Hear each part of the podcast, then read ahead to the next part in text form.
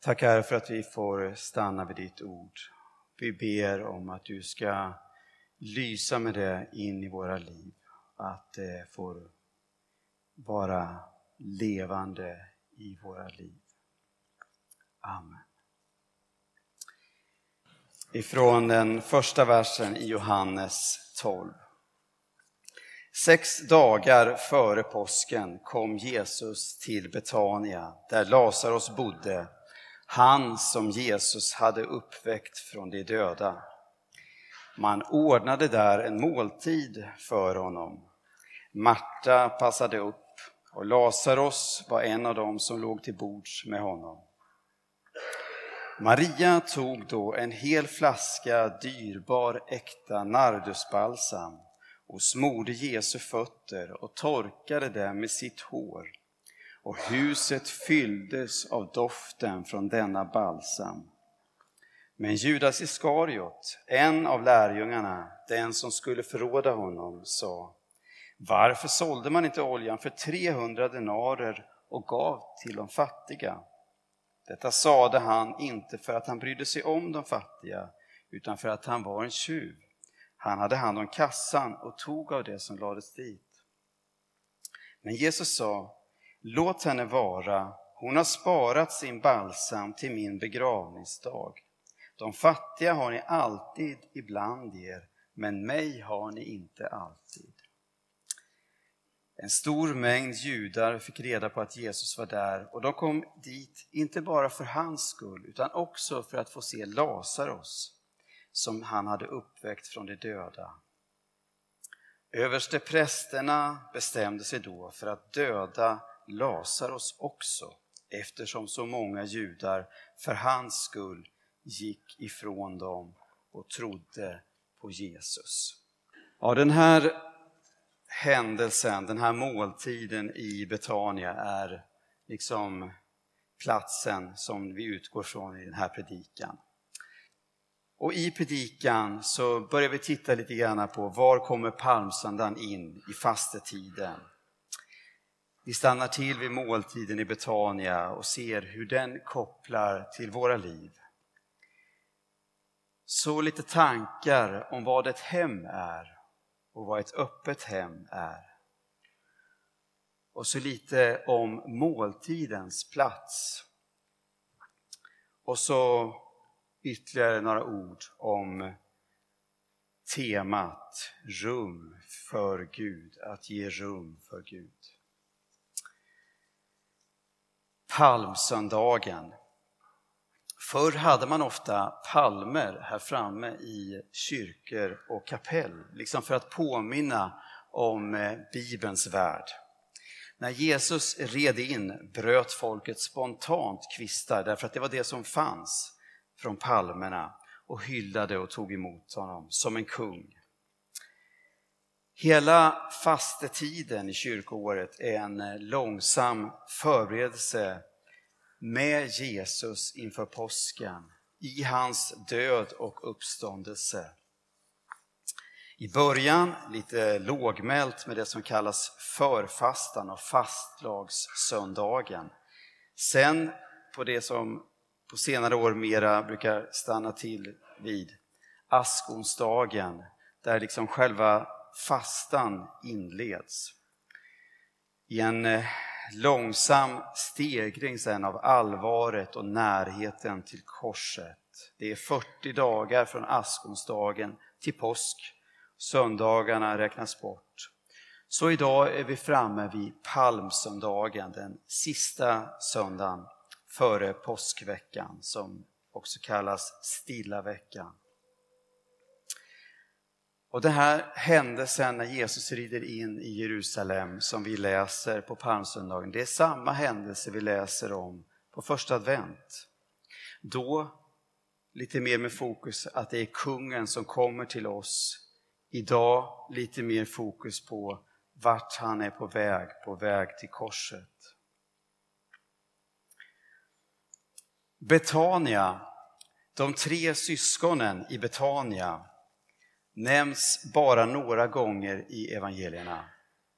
Ändå ser vi tydligt att det finns en vänskap mellan dem och Jesus. En gång läser vi att Marta blev missnöjd över att Maria bara lyssnade på Jesus och inte hjälpte henne i köket. Inte långt ifrån innan den här, det här som vi har läst idag så har det hänt att Jesus har uppväckt Lazarus från döden. Han hade varit död i fyra dagar. Den här byn ligger några kilometer utanför Jerusalem. Jesus stannar nu till i Betania på vägen till påsken i Jerusalem. Man ordnade där en måltid för honom, läste vi. Kanske mer en spontan fest, tänker jag, av det som man i glädjen kan ordna och få till. Det här var ju, det här var ju före liksom, livsmedelsbutiker och kylskåp och rinnande vatten. Matteus och Markus evangelier, de berättar att måltiden var hemma hos Simon den spetälske. Kanske hade han ett större hus, större resurser, eller kanske en större iver, en ännu större iver att få bjuda hem till sitt hus. Av vad han kallades för, Simon den spetälske, så kan vi förstå att han har haft spetälska. Men av det att man är hos honom kan vi också förstå att Jesus har gjort honom frisk. Annars skulle man nog inte ha varit där. Av rädsla för att bli smittad. Vi läser att Marta passar upp, Lazarus ligger till bords. Maria kommer och slösar med sin kärlek genom att smörja Jesu fötter med en extremt dyr parfym. Här är nu ro mellan de här tre syskonen i deras olika roller, i det de gör, i deras olika sätt att ta emot och uppmärksamma Jesus. Många människor har sett och hört hur Lazarus har återuppväckts. Det finns en extra dragningskraft till den här måltiden. Och eh, folkets förundran och beundran mynnar ju sen ut i den här hyllningen till Jesus när han rider in i Jerusalem. Nardusbalsamet blir en förberedelse för Jesu begravning. Han är på väg mot korset. Pausen i Betania var en speciell händelse i den bibliska historien. Där och då öppnades ett hem för Jesus. Där och då fixade Marta och andra med mat. Där och då slösade Maria med sitt balsam. Självklart kan vi tycka, det var ju Jesus som kom. Men i Lukas 9 kan vi läsa om en eh, samarisk by som inte ville ta emot honom på väg till Jerusalem. Här fanns det flera aspekter med i bilden i relationen mellan judar och samarier, men ändå, Jesus blev inte alltid självklart mottagen. Om Jesus kommer förbi oss, känner vi igen honom då? Tar vi emot honom? I Hebreerbrevet 13 och 2 så kan vi läsa Kom ihåg att visa gästfrihet, ty det har hänt att de som har gjort det har haft änglar till gäster utan att veta om det. Gästfrihet, det visar vi ofta i hemmet där vi bor. Vad är ett hem? Vad är det som gör ett hem till ett hem? Ja, är det inte någon form av känsla mycket? Att här, här är jag hemma, här kan jag vara kvar. Utan att tid eller plats eller person driver mig vidare. På Bibelns tid, och inte så länge sedan i Sverige, var hemmet ofta en plats som rymde större delen av livet. Man odlade och hade djur till egen mat, tillverkade kanske något åt andra som man kunde sälja, kanske som snickare, skomakare eller skräddare eller hade någon annan verksamhet. Barn och gamla fanns i hemmet, där lagade man mat, man arbetade för inkomst och här sov man. Också idag sover vi hemma för det mesta. Annars är mycket förändrat. Vi åker till jobb och skola. Barn är på förskola och fritids. Gamla i äldreboende. Vi köper mat och annat vi behöver. Lek och sport sker organiserat i aktiviteter och ofta på annan plats. Och en hel del av den tid vi faktiskt fysiskt är hemma är vi kanske ändå mentalt någon annanstans i cybervärlden. I våra hem har fokus flyttats mycket från funktion till estetik, hur det ser ut. Det har blivit allt viktigare hur det ser ut där hemma. Men fortfarande har vi behov av ett hem. En plats där vi känner igen oss, har våra saker och känner oss trygga. När Jesus kom förbi Betania ställde Marta och de andra till med fest. Engagemanget och glädjen fanns där och tydligen också förmågan. Som vi sa, han kom till ett hem där troligtvis stor del av livet levdes och där fanns det rum för honom. Vi kan fundera, om Jesus hade kommit förbi vårt hem idag, hade vi haft tid att fixa med en måltid? Hade vi varit hemma? Jag tänkte tillbaka lite på min barndom när jag förberedde predikan. Min pappa jobbade kanske, om man skulle räkna efter, kanske bara höfta till 80 timmar i veckan hemma på gården. Gården var både hans jobb och hans stora intresse. Mamma jobbade deltid och sen använde hon den mesta av tiden till att ta hand om familj och hem. Vi hade ofta gäster hemma. Inbjudna, spontaninbjudna eller folk som kom spontant förbi.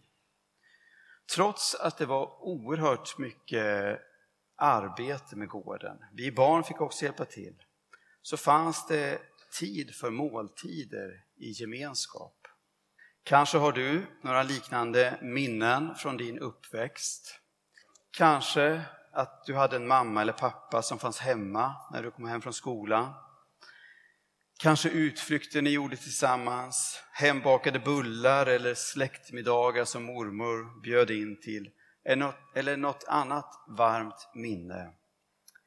Kanske var det just sånt här som du saknade i din uppväxt, men har en dröm om att själv kunna få ge vidare. Jag tror vi är många som känner att nutiden, det är svårt att få den att gå ihop med sådana här ideal vi kan ha från vår uppväxt eller från evangeliet som vi har tagit del av. Att tala om att ha ett öppet hem, det är liksom som gjort för att sänka stämningen och ge dåligt samvete och, och, och liksom få folk att känna o, sig otillräckliga. Samtidigt så tror jag att det hos många av oss finns en innerlig önskan om att forma ett liv med plats för mer värme och närhet. Men vi behöver se att vi lever i den tid vi gör. Vi får be Gud om hjälp att bli vän med det liv vi lever och de val vi har gjort. Men vi får också se att vi ibland har möjlighet att göra andra val. Vi får överlämna tankar på vad vi borde göra och be den helige Ande leda oss till vad vi faktiskt kan göra. Vi kan känna oss inlåsta i jobb, amorteringar och förväntningar runt omkring oss. Men Gud har gett dig och mig en förmåga att skapa och forma. Det finns val som kan hjälpa oss att bli mer vän med vårt liv. Val som kanske mer är i samklang med vårt innersta än med samtidens förväntningar. I Bibelns värld kan vi läsa om att en måltid kunde börja med att man gick ut och slaktade killingen och började baka brödet. I vår tid kan vi själva, var och en, ta vad vi vill i kylskåpet. Den gemensamma måltiden är inte självklar. Men den är värd att sträva efter. Måltiden är en rastplats. Det var också rubriken på den här söndagen i den här serien. Eh, den här stunden i Betania, en rastplats på vägen till korset. Måltiden är en rastplats på vägen till allt det som ska möta oss senare. Vi fixar både före och efter, men en stund så får vi vara tillsammans runt bordet. I välsignelsen så uttalar vi de här fantastiska orden att Gud vänder sitt ansikte till oss. Och så har han skapat oss till att vända våra ansikten till varandra. I gemenskapen runt bordet är vi nära, ser varandras ansikten och läser och hör mer än orden. En stund gör vi samma sak tillsammans. I måltiden tar vi emot och vi bjuder vidare. Vi övar oss i det här ordet lagom som egentligen betyder att inte ta för sig mer än att det räcker för alla, att det räcker laget om. Här lyssnar vi och berättar, diskuterar och bestämmer, skrattar och delar det som är svårt. Inte alla måltider blir harmoniska. Men med den goda vanan så kommer många nya chanser. Himmelen beskrivs ofta som den stora festmåltiden. Bröllopsfesten för Jesus Kristus och församlingen. Med den där totala närvaron man kan känna när man vet att nu är vi inte alls på väg någonstans, vi ska bara vara här på den här festen länge. Och i ett bröllopsfest så är det stor glädje och det är mycket omsorg i det som bjuds och sägs och görs. Med de allt mer individuella liv som vi har kommit att leva så är måltiden kanske vår tids största chans till en gemensam stund i hemmet. Och nu talar jag ju mycket utifrån en familjesituation, men det är ju samma betydelse där vi möts som vänner runt fikabordet efter gudstjänsten eller i hemgruppen eller något annat.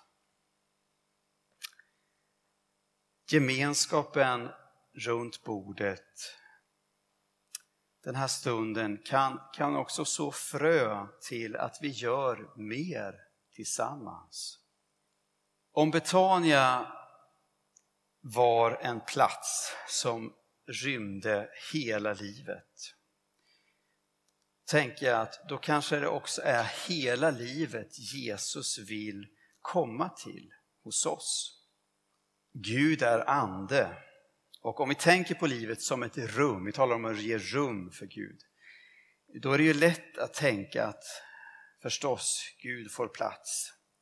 Men om vi, om vi ser på livet i bilden av en väska, ni kanske har packat någon gång och tänkt att det här och det här och det här vill jag ha med. Så upptäcker man att allt det där får inte plats. Ska jag ha med det här så får jag plocka ur det där. Eller om vi ska ställa upp på en hylla, göra det lite fint. Nej, allt får inte plats. Vi får välja vad som ska få plats. En del får vi lämna. Det här temat rum för Gud, det, det ställer liksom lite frågor till oss. Eh, vad gör vi i vårt hem? Vad fyller vi det med, det rummet? Vad fyller vår tid?